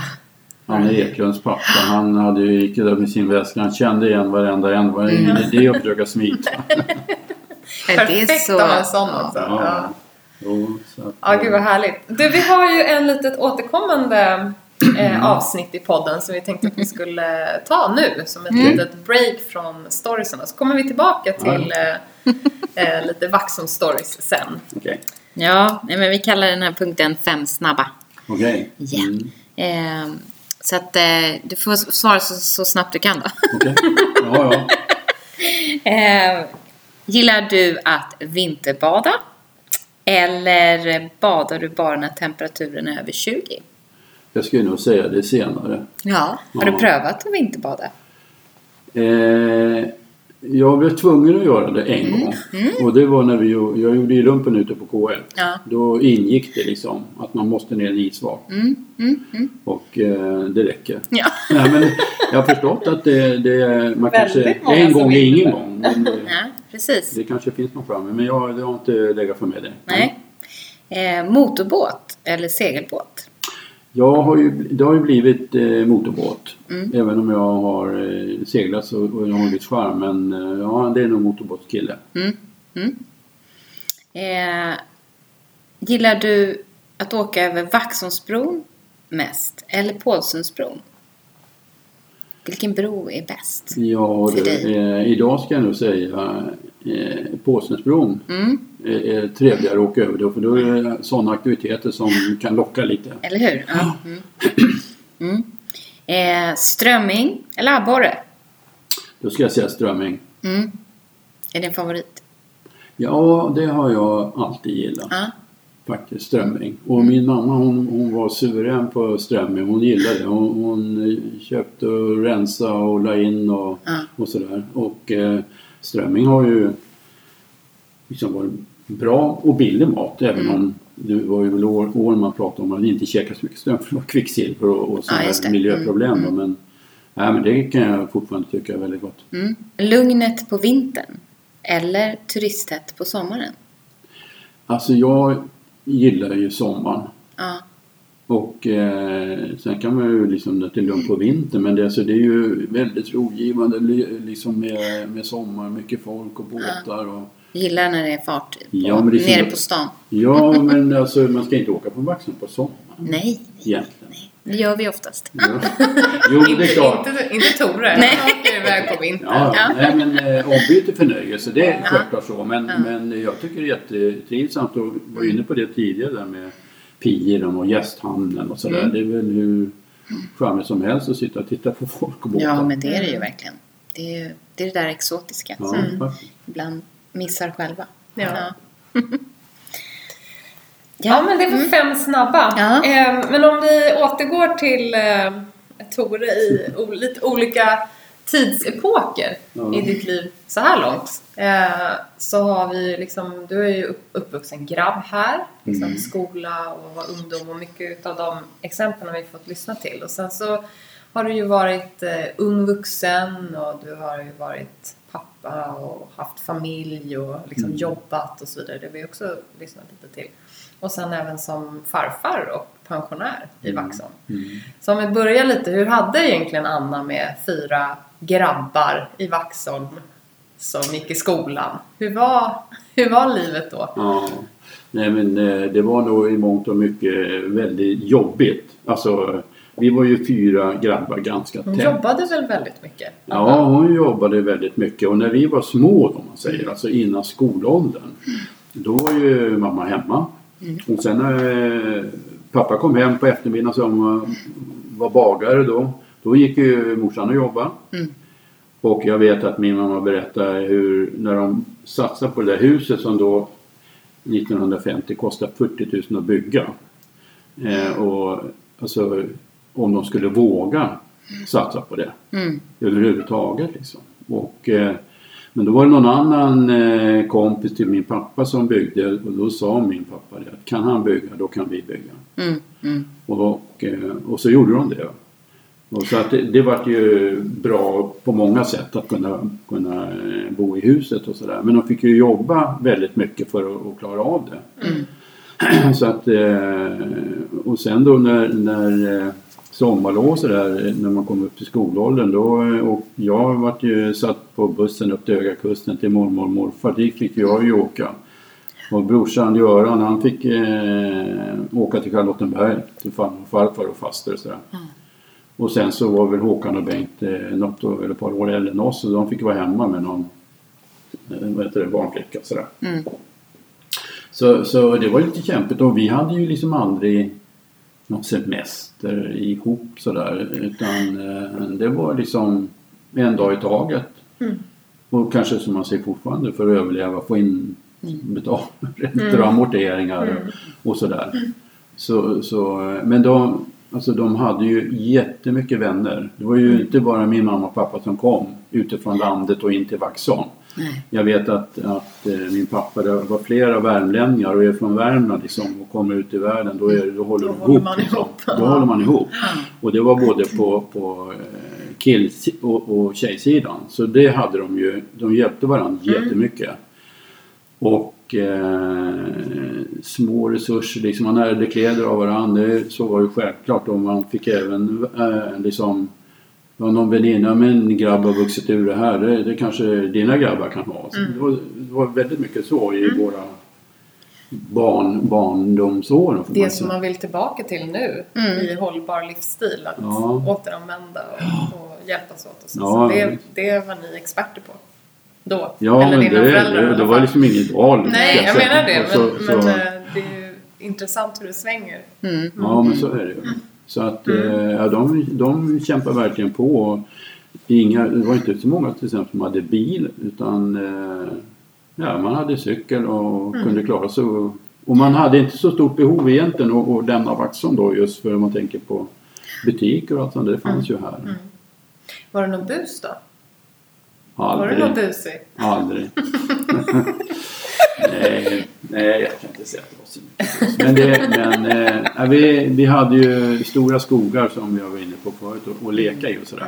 Och sen var det väl rätt mycket vi som bodde på Gökvägen och Lärkvägen och Vasavägen sådär. Vi höll ju liksom, det var ju våran del av ön och, och fanns ju de som bodde nere på stan.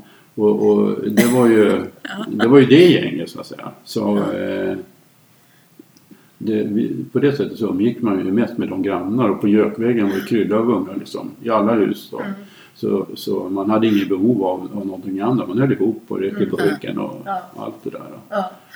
Så, och det var väl bra även för våra föräldrar liksom att eh, man hjälptes åt och Mm. fixa och trixa. Härligt. Mm. Men sen blev du ung vuxen då. Du träffade Agneta tidigt. Ni gick ju i skolan tillsammans. Ja, det gjorde vi. De, Samma eh, klass eller? Ja, vi började ju då i realskolan, alltså motsvarande sjuan då. Vad är man då? 13? 13 typ. Mm. Eh, men sen så, ja det var alltså, eh, skolan var ju också jag ska inte säga fantastiskt men eh, alltså vi hade ju en rektor i realskolan som hette Karl Trovallius. Vi kallade honom för Kalle Framstupan. Han hade liksom en lätt framåtlutad överkropp och gick eh, raskt kan man säga. Så, så han gick under, under det. Men han var, han var också eh, på sitt sätt eh, otrolig för han var en sån här friluftsmänniska. Och han satte upp en, en lapp eller lista i skolan liksom att eh, barnen som på sportlovet ville åka upp till fjällen med honom. Fick man skriva upp det där. Och eh, ja, eftersom jag hade hållit på och jobbat och pysslat, jag behövde inte fråga min mamma eller sådär om, jag, om de kunde betala, utan jag betalade själv. Ja. Och eh, då gick jag till båttjänst som eh, motsvarande, eller inte motsvarande, men föregångaren till CC som då fanns. Köpte ett par slalomskidor, eller fjällskidor kan man säga, med stålkant och hade man låg fästplåt och sådär. Så åkte vi upp med, eh, vi åkte buss in och så sån här liggvagn upp till Undersåker. Och sen så upp till Edsåsdalen. Eh, Och eh, bodde liksom, eh, ja det, man kan väl säga som en, det var liksom en bondgård då. Och de hade ju sitt bo, bostadshus men så var det även en- andra små hus på gården. Och jag kommer inte ihåg hur många vi var, säkert 20 barn. Eller ungdomar då. 13, 14 år någonting. Så fick vi åka upp där och, och, och så hade han ju med sig någon lärare. Fick vi lära oss åka skidor. Jag hade aldrig varit i fjällen någon gång. Utan jag gillade att åka skidor, det gjorde man ju hemma här. Och sen så fick man lära sig första dagen, då fick man åka där och trycker på dalskidan. Älskling sådär. Nej men eh, så fick man lära sig att åka skidor först. Va? Och sen var det varje dag på morgon. Då fick man först på kvällen och ställa, ställa termosen i chokladbacken och så fick man göra mackor på morgonen. Och så åkte vi alltid någon tur upp på ett fjäll. Jobbigt som tusan men sen var det ut för hem. Och sen så eh, på eftermiddagen då stack man till Renfjället och åkte sån här eh, släplift då, och så satte man, då hade man de här fina skidorna liksom. Och det, det ja, vi hade ju så jäkla roligt de där. Vilken, vil, alltså wow. Vilken, Ja men också, eh, det gjorde rektorn. Han tog med sig rektorn, 20 ja. ungar från Vaxholm och så eh, Det hade man ju velat se idag. Och de ordnade dans på kvällen där. Så här, det var hur kul Alltså, som helst. vad hur roligt. kul som helst. Mm. Och när vi eh, sedermera eh, slutade, eller tog realen då, då 1965, då var det annan lärare som då åkte vi ner till eh, tåg i Europa. Vi som, ja, det var också Oj. naturligtvis frivilligt. Ja. Eh, avgångsklasserna. Det var säkert igen då 20-30 stycken. Då åkte vi tåg. Eh, helt, helt otroligt så här efteråt hur Ja. de ställde upp. Då åkte vi första... man åkte tåg på nätterna och så gjorde man utflykt på dagarna där man var. Lübeck, vi var i Schweiz och åkte sådana här bergtåg upp på eh, hjulångar och allt möjligt.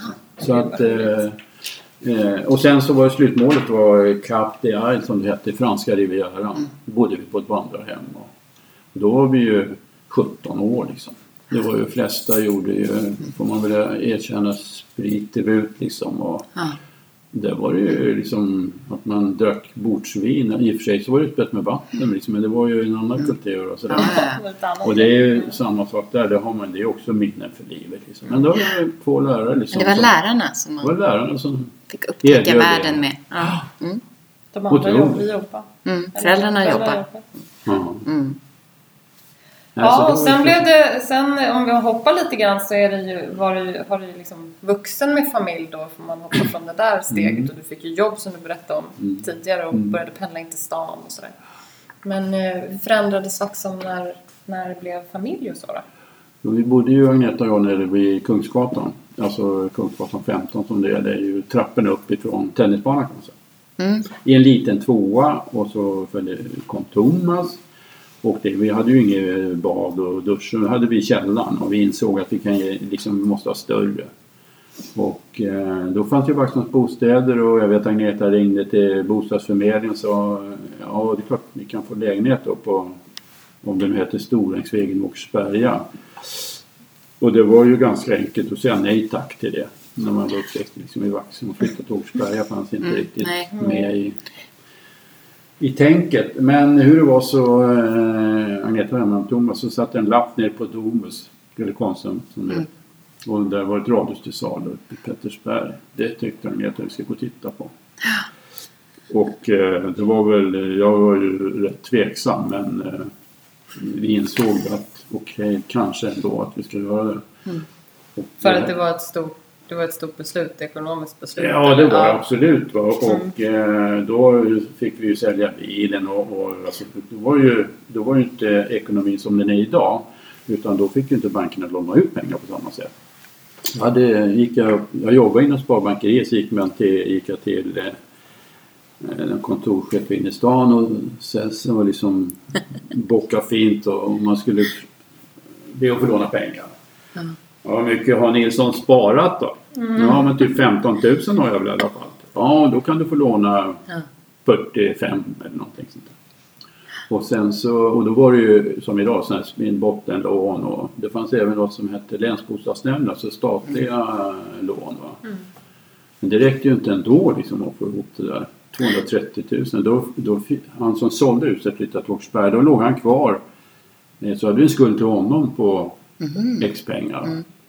Så det var ju, då var det ju liksom att räkna varje krona varje månad liksom att få ihop det. Och, och, men det gick ju och eh, vi pratar ju 70-talet, inflationen så ja, ny, nytt jobb, ny tjänst, mera lön och lön, alltså man fick ju lönepåslag på 10 procent och hit och dit va. Så att gans, ja, ganska snabbt, alltid relativt men eh, efter några år så börjar man ju komma lite på, på grön kvist. Men det är fortfarande pratar man ju om eh, ja, stora var Mikael och Thomas typ. De var ändå, men tio år tog det minst alltså. Men sen, eh, ja. Som sagt med inflationen gjorde ju att man, det var ju lite lättare med, med tiden. Och jag kommer ihåg, man, jag ville ju åka till fjällen då som var suget. Jag hade ingen bil, hon hade morsans baff liksom. Och så åkte vi upp och... och eh, Allt går ju. Ja, men Alltså. det, allt går ju. Liksom, men hon, hon ställde upp liksom. Och, och, så då kunde vi ändå åka upp någon vecka och sådär. då. Och så rätt vad det var så fick man lite råd och så kunde man köpa en liten bil. Saab B4 kommer jag ihåg hade först. Ja. Men den fick plats med mycket och där man åkte med till fjällen och mat och allt möjligt. Perfekt. Så att det, det var väl lite, eh, ja, och det, så kanske det är fortfarande idag. Liksom man ska ta de här stora besluten, att det blir liksom lite ansträngt. Men lättare samtidigt då, då med den här inflationen som var. Och fina Vaxholm som, som fortsatte vara ett attraktivt Ja, ställe absolut. med allt Absolut. vad som kommer Ja, med ja, det. Och sen där eh, med tiden då, även då när den här avregleringen av kreditmarknaden så när bankerna fick låna ut och då kunde, man, då kunde ju även jag och vi då lägga om våra lån Ja. till bättre räntor. Men, men, eh, Det var lite, lite, lite slitigt i början men då hade du ju goda erfarenheter av eh, dina föräldrar som, absolut. och bra liksom, eh, värderingar och liksom att man får kämpa för sitt. Ja, men Och- ja, så det absolut. Och, eh, och allt det där, man måste klara sig själv. Alltså. Mm, precis. Det- det jag är menar. ett jävla att det fanns driv i- hård skola där bakom. Ja, men jo, man gick ju rätt. ja, Det, det är sant. Alltså. Det är sant. Nej men absolut och just den där utvecklingen som var då. Den är ju inte densamma idag. Så idag tar det ju väldigt mycket längre tid egentligen om man ska svinga sig upp på, på, på det sättet. Då. Men hur för man den där drivkraften vidare då? För det kan jag fundera på som förälder idag. Eh, där vi har haft väldigt mycket, skulle nog gener- din generation säga, silversked. Eh, många, nu, nu generaliserar jag, men det är betydligt fler idag som har en, en otroligt hög eh, levnadsnivå. Det, det har väl aldrig varit så lätt så att säga. Nu har vi haft pandemin precis. Men vad, vad tror du, hur, hur, hur för man den där drivkraften vidare till sina barn? Till Mikael och Thomas för del och Ja. sen vidare. Nej, Det men finns jag- ju inte så mycket andra drivkrafter Nej. att liksom fightas mot. Eh, för våra barn till exempel. De har det ganska bekvämt. Ja, jo, visst. Jo men så är det ju. Alltså, och så. standarden och och så vidare har ju höjts ganska Mm. mycket generellt. Alltså många eh, så, som jag kan tänka och tillbaka på då som våra föräldrar eller mina föräldrar. De fick ju de var ju så att säga knegare och jobba för ganska liten, ganska liten lön. Mm, Idag skulle man ju många fortfarande enklare jobb och, och kanske inte tjäna så bra men det är ju väldigt många som är mera, man är mer tjänsteman nu. Mm. Mm. Eh, och, och, och, alltså jag brukar göra jämförelser med hur det var på regementet. Va? det var ju liksom de som var kanske ja, lite funktions... Eh, eller som inte hade så lätt i skolan och sådär och, och kunde lära sig mer. Men de kunde jobba i ett förråd. Jag menar värnpliktiga kom och skulle hämta och lämna kläder och prylar. Mm. Då stod de på andra sidan och, och fixade så många enkla jobb Mm. som inte finns. Idag måste du ha körkort för att vara i mjölk, sätta upp mjölk liksom. Ja. Så det är mycket högre trösklar idag då. Ja. Men eh, visst är det så att man präglas ju rätt mycket av sin barndom Ja. ska jag säga. Mm. Och eh, det är väl där, det är väl där man har chansen. Sen är det lite sent. Men jag tror att, Mm. Ja. det, men jag tror att det ordning och reda. Mm. Tydliga regler liksom eh, och försöka vara. Det är ju lätt att skämma bort. Det kan, ju, det kan man göra som farfar. Då behöver man inte uppfostra Ja. barnen, då kan man skämma bort. Ja. Men lite så är det väl, Ja. tror jag. Att, att eh, regler och, och sen är det väl lite som man är i person. För mig som jag är en av fyra bröder så har jag ju en helt annan eh, livsstig eller vad ska jag säga, erfarenhet och jobb än vad mina bröder har haft. Då. Så att det är väl lite också individuellt vilka anlag eller sådär man har. Då. Ja, absolut. Ja, men ehm, och nu, eh, vad gör, du, vad gör du nu för tiden då? Ja, nu gör man ju så Du har, lite ju, som du har är- slutat jobba sen Ja. eh, flera Ja, år det- ju. det För du har, eller jobba, du har ju jobbat med vår familj under många år så att vi kunde jobba. Det har ju Eh, varit fantastiskt. Ja, nej men jag hade ju förmånen att, att sluta jobba när jag var 62. Det kunde jag välja själv. Jag avslutade min karriär då på Länsförsäkringar bankdivisionen som det var. Där vi jobbade med internetbank och sådär. Eh, Men då, eh, det, det kom ett läge där, eh, alltså då på något sätt så tar ju var sak av sin tid om man brukar säga då och eh, då skulle man göra om, organisera hit och dit. Och då kände jag bara nej, liksom engagemanget eller den här, då började drivet liksom att bedarra lite kan jag säga. Och då, men i och med att man hade möjligheten att gå i pension, då valde jag det. Ja. Och det, måste, det, alltså, det är ju en stor förändring i livet när man går i pension. Mm. Jag vet det var många som bävar för att gå i pension för man hade liksom inte något vid sidan av jobbet. Det var så det var jobbet bara. Mm. Och då är det ju då, Kan det då vara är lite det läskigt. lite knepigt. Ja. Men då är det, och jag, men jag sa du måste ju ändå inse att du, rätt vad det slutar och då är det bättre att välja själv. Mm. Och sådär. Så det, den möjligheten hade jag. Jag gjorde Ja. ju det. Det är ju, vad blir det nu då? Det är ju 12-13 år sedan. Det Och- var ju i samband där när vi, alltså Ja, då var när Alva kids, föddes. kidsen var ju väldigt små. Ja, när du fick det. börja ja, just ta. Ja, men 2010 var det ju som jag gick i pension. Och eh, då visste jag ju bland annat då eftersom eh, eh, ja, ni fanns ju och eh, Alva och, och sådär och hon skulle ju rida så då kunde jag ju åta mig det då. Skjutsa Mm. Alva till stallet och hem och steka pannkakor eller vad det var. Min Ja. kulinariska kockförmåga där. De är ju Men- väldigt omtyckta. Jo men, ja, men det, det var ju jätteroligt liksom. Och, sådär.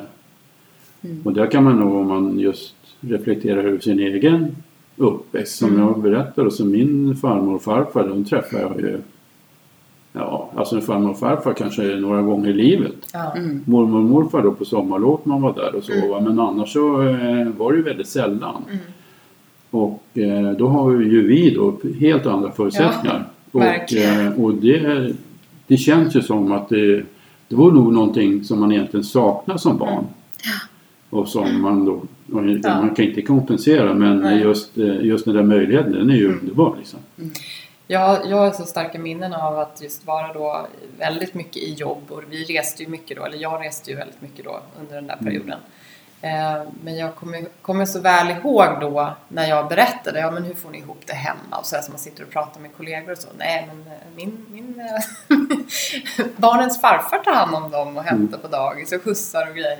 Och det, det var väldigt många som, nu kanske inte det är så exceptionellt sådär nu, jag vet inte. Jag tror faktiskt att det är det fortfarande. Just att det var du som gjorde det och inte farmor eller mormor eller sådär. Det var, det var många som reagerade på, på det och, och då kände jag, jag kände mig väldigt stolt då. Så här, så här, Ja, det är inga problem, det går så bra så. För jag menar, både Tuva och Isak var ju små. Alltså de var ju bebisar. Mm. Ja, så det, ja, det var väldigt, väldigt eh, härlig hjälp att få. Trygg hjälp att få. Under Nej, många år. men, eh, Och sen var det ju det att Agneta jobbar ju då några år till. Ja men precis, innan, exakt. Så att jag eh, bestämde ju helt själv. Ja, tid. ja. ja. Passa barn och hjälpa barnen och spela lite mer golf Ja, och sådär exakt. som man fick tid för. Liksom. Ja, Men sen har väl du alltid sysselsatt dig eh, med annat? Med Ja, olika styrelser och bostadsrättsföreningar och diverse. Jo men så har det varit och jag är väl en, om vi pratar föreningsliv, en eh, kanske ganska typisk föreningsmänniska. Mm. För eh, det har jag alltid gillat. Jag vill aldrig, kanske inte säga så jag kliver fram längst fram i led och säger hej jag kan eller så men är det någon som frågar mig? Skulle inte du kunna, ja men Ja, då tycker jag inte att jag kan säga nej typ. Nej. Utan eh, då brukar jag ställa upp på det. Mm. Så det har ju blivit, eh, speciellt då när grabbarna var mindre med hockeyklubben. Som jag jobbade i styrelsen där i rätt många år. Och sen inom lagen och sådär. Och eh, även så inom jobbet. Man tar på sig lite så här fritidsgrejer som, ja det är sådana här trivselgrejer va. Men vi kör ju hockeybock och allt möjligt. och sånt där. Och även då som du sa då med bostadsrättsförening och Mm. ordförande i båtklubben. Ja, Och jobbar lite grann med golfaktiviteter. Ja. ja men det det har blivit på många lite, olika. Ja men lite som jag tycker är kul. Eller jag har i alla fall bilden av att det är alltid någonting på gång. Ja men lite så är det. Så. Så är det. Men det var det ju även när du jobbade. Men det, det är ju det, det tycker, jag tycker det är liksom roligt också då eftersom det är ju en hobby som man kan och man har inga problem med tiden nu. Nej. Det tycker man ju inte i alla fall. Även om två saker samma dag är lite mycket. Ja, precis. Hur ska, du, hur ska du pus- pussla ihop det här Ja, schemat? precis. Det hör nog till och det är Ja. väl alldeles sunt. Ja, Just, precis. man har en annan takt. I, Sen är det ju lite stökigt nu då med den här covid-situationen som är lite jobbig. Men det får vi väl ja. överleva. Ja, ja, den, den är på väg bort nu hoppas vi. jag hoppas Ja, på det. lite Ja. ljuset i tunneln förhoppningsvis. lite vaccinationer och eh, Mm. annat som får lite ordning på det hela. Exakt. Ja. Ehm, ja, men eh, om vi ska ta några sådana här, vi har några återkommande också. Mm. Eh, bästa sämsta med Vaxholm, du har ju varit inne på väldigt mycket så, men är det något så här, liksom, något extra extra smultronställe eller så som du skulle vilja lyfta fram? Du kanske har sagt några stycken som sagt, men eh, Nej, men jag skulle nog säga att, att det är lite sådär som en favorit som jag alltid... När jag kommer dit så tycker jag alltid lika mysigt och det är Montebello. ja. För den lilla udden där liksom, eh, och när man var barn, det ligger fortfarande som ett, något vrak utanför Ja. där, liksom pinnar som sticker upp. Och när man var barn undrade man ju, det var ju mystiskt liksom allt det där va. Och spännande sådär. Och det är ju inte samma sak nu som vuxen då, men man kan konstatera att det ligger fortfarande där. Och sen på den udden, när man sitter där liksom så... Och är det sommar, alltså ljuset blir ju alltid mot Vaxholm och, och det, ja, det tycker jag är fint. Och sen är det ju försommaren där ute med Jättevackert. det, ja, det är jättefint tycker jag. Annars är det väl många ställen som, Fina. eh, som är fina. Mm. Och inte minst ska jag säga Eriksö. Man blir lätt hemmablind. Ja. Tänk vilken fin udde där med man kan gå runt och. Ja, såna här, man kan grilla eller vad man nu... Så det, är- man är ju lite, kanske lite blind, hemmablind Mm. sådär. Men det är ju jättefint va? faktiskt. Verkligen. Ehm, om du skulle plocka fram någon, någon förebild då i, för dig eller någon profil som du säger, men det här är någon som jag tycker Alltså- har fattat det här med livet. Ja, Vem jag skulle vet inte det om, vara? Har du haft alltså, någon? Jag har väl inte haft så många förebilder sådär och, eh, egentligen. Men i, i jobbet så hade jag en chef en gång som jag respekterar väldigt mycket. Mm. Och eh, jag jobbar ju, började ju liksom med enkla eh, datoroperatörer som det var. Och så höll jag på med det mycket. Men jag, jag bytte liksom funktion inom det här och prövade andra saker. I, i, IT, men det är ju fortfarande en otrolig utveckling. Så har det varit hela Ja. tiden. Så jag hamnar ju verkligen rätt där. Men i vilket fall på 80-talet så började jag inom eh, ja, aktiehandeln då. då. Eh, Fondkommissionär som det hette. Jakobsson och Pontback hette det, fint som fasen. Då på Västra Trädgårdsgatan i stan med ett jättefint hus. va. Där höll vi till och eh, jag, jag var anställd där för vi skulle jobba med IT-utveckling och system och sånt där. Och han, alltså det här var ju slutet på 80-talet ska jag säga någonstans i 90 och då var det ju den här finansavregleringen sådär. Man har ju talat om finansvalpar, tjänar ju pengar som gräs. Ja. Och odrägliga eller alltså det var ju bara pengar som räknades. Så. Ja. Och eh, de tjänar mycket pengar. Men när jag började med det då det var det fortfarande så att det var eh, upprop på börs i Börssalen, alltså Börshuset på Stortorget fortfarande då. Men det hade ju börjat att eh, automatiseras om man säger så. Så att eh, det behövdes eh, mycket stöd och, och så vidare. Men han i alla fall var en, en kille som stod med båda fötterna på jorden och var väldigt bra stöd för mig. För jag kom ju från en annan miljö och sådär. Ja. Men han, han hade den, eh, att han visste ju varför eh, han och de hade anställt mig. Vad jag stod för. Men liksom man kommer in på nya grejer så är lite osäker blir man liksom. Ja. Har jag kommit rätt eller fel? eller Ja, ifrån. ja. Men han hade i alla fall ett väldigt bra sätt att ta hand om mig. För han, jag fick eh, i princip rita och berätta hur jag tyckte att man skulle göra. Och så dokumenterade jag det och sådär. Så tittade han på det och sa det här tycker jag ser jävligt bra ut. Så ner och fixa. Alltså, nej men eh, kör du på det här. För eh, blir det här, då kommer det här bli bra. Så jag fick världens boost som man säger. va, På, och självförtroende liksom för det. Ja.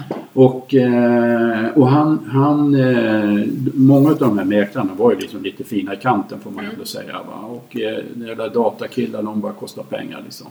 Och det var lite sådär synen. Lite sådär småjobbigt men inte Jack Junello som han hette. Han stod upp för liksom hela firman och man hade samlingar i, eh, jag kommer inte ihåg hur många var som jobbade, 50 pers kanske, 40-50. I de här fina salarna som var i det här huset. Va? Och, men liksom, det var, alla var lika värda och sådär. Och det kände alla. Så det var en jättefin stämning och eh, bra utveckling på Ja, det. det låter verkligen som någon Bra förebild. Väldigt bra Ja, förebild. mycket, alltså just ledarskapet. Ledarskapet, och, ja. eh, och det var väl lite sådär också att eh, och som jag själv har levt och lever efter. Liksom, det måste vara okej att få göra fel. Mm. För det är liksom, man måste våga.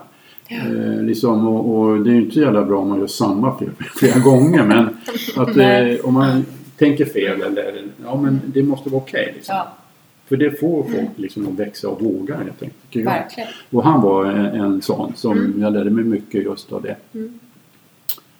Hantera folk. Ja. Härligt. Mm. Om du skulle skriva en bok, vad, vad tror du att den skulle heta?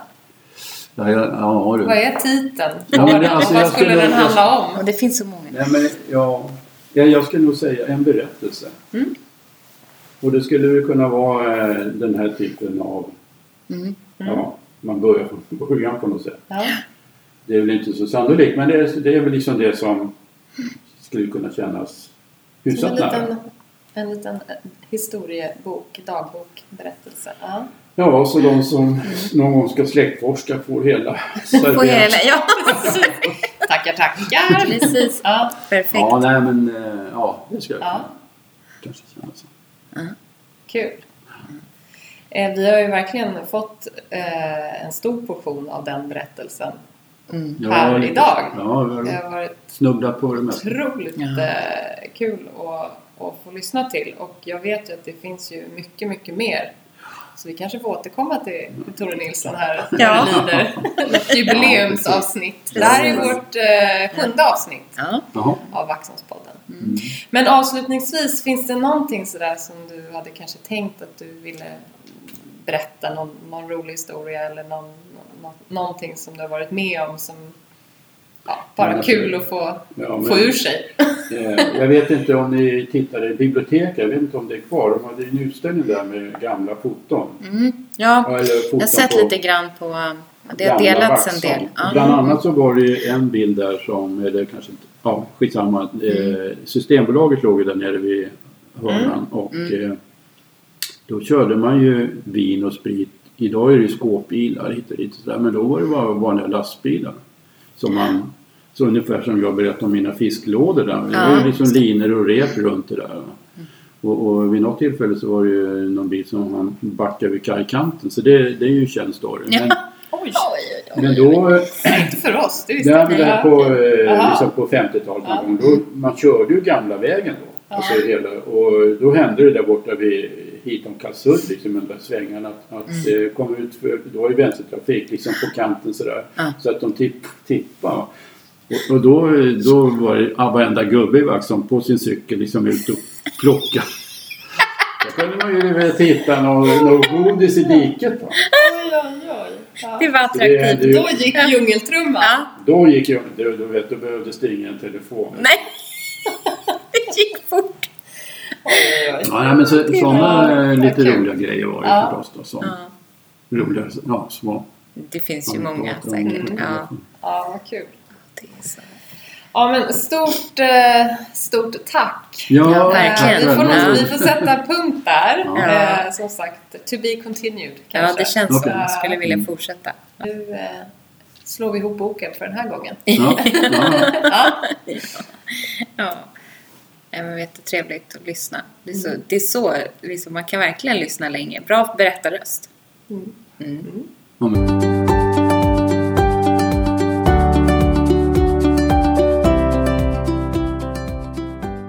Tack farfar Jinko. Oj, eh, vilka, vilka härliga historier vi har fått. Mm. Eh, Det, var, det var väldigt eh, spännande att få lyssna på historiens vingslag. Ja, eh, och det, det gör ju såklart att man vill höra mer berättelser. Eh, hoppas vi kan få till det eh, Mm. framöver. Det tror jag nog. Vad, vad tog du med dig från det här mötet med Tore?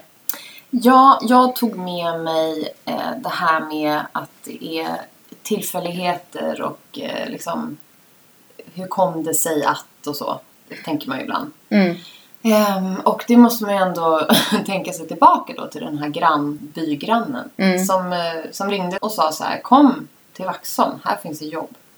Just det här liksom att hon ringde och att Anna vågade åka till Vaxholm Mm. och fick jobb och jobbade vidare och blev kvar här. Det gör ju att jag kan leva med Micke idag. Det är ju helt underbart. Alltså när man tänker på det så blir man ju, alltså det, det, blir, det blir väldigt stort på något sätt. Ja, och ödet Och liksom ödet, ja, blir precis. så, det blir så viktigt och val man gör. Och Val man gör ja. Ja. ja. det, det är ju, ja men, Det, kom, det sköljer över en lite grann. Det tyckte jag, det tar jag med mig från det här mötet med Tore. När man får liksom möjlighet att lyssna till en, ja, men en, ganska, en ganska stor del av hans liv. Vad tog du med dig från avsnittet? Men jag tog med mig, jag tyckte det var roligt när han berättade om centrumkärnan. Och att den, eh, att den låg runt hotellet. Ja, Det allting känns var liksom förflyttat. Mm, det kändes väldigt klockrent och eh, det skulle jag, ja, men jag skulle gärna se att det blev så igen. Och Mm. fler butiker så att man handlar mer i Vaxholm och att man känner att det blir ja, men lite bredare utbud. Ja, det var väldigt smart det där med att det fanns en affär när man klev av båten precis. Mm. Nu är ju eh, Vaxholmspodden eh, uppstartad Ja. för året. Ja. Och eh, dela gärna, Mm. kommentera gärna, tipsa eh, andra om att vi finns. Det, skulle, skulle, det blir vi väldigt glada över. ja. Vi ses på stan. Ja, vi ses på stan.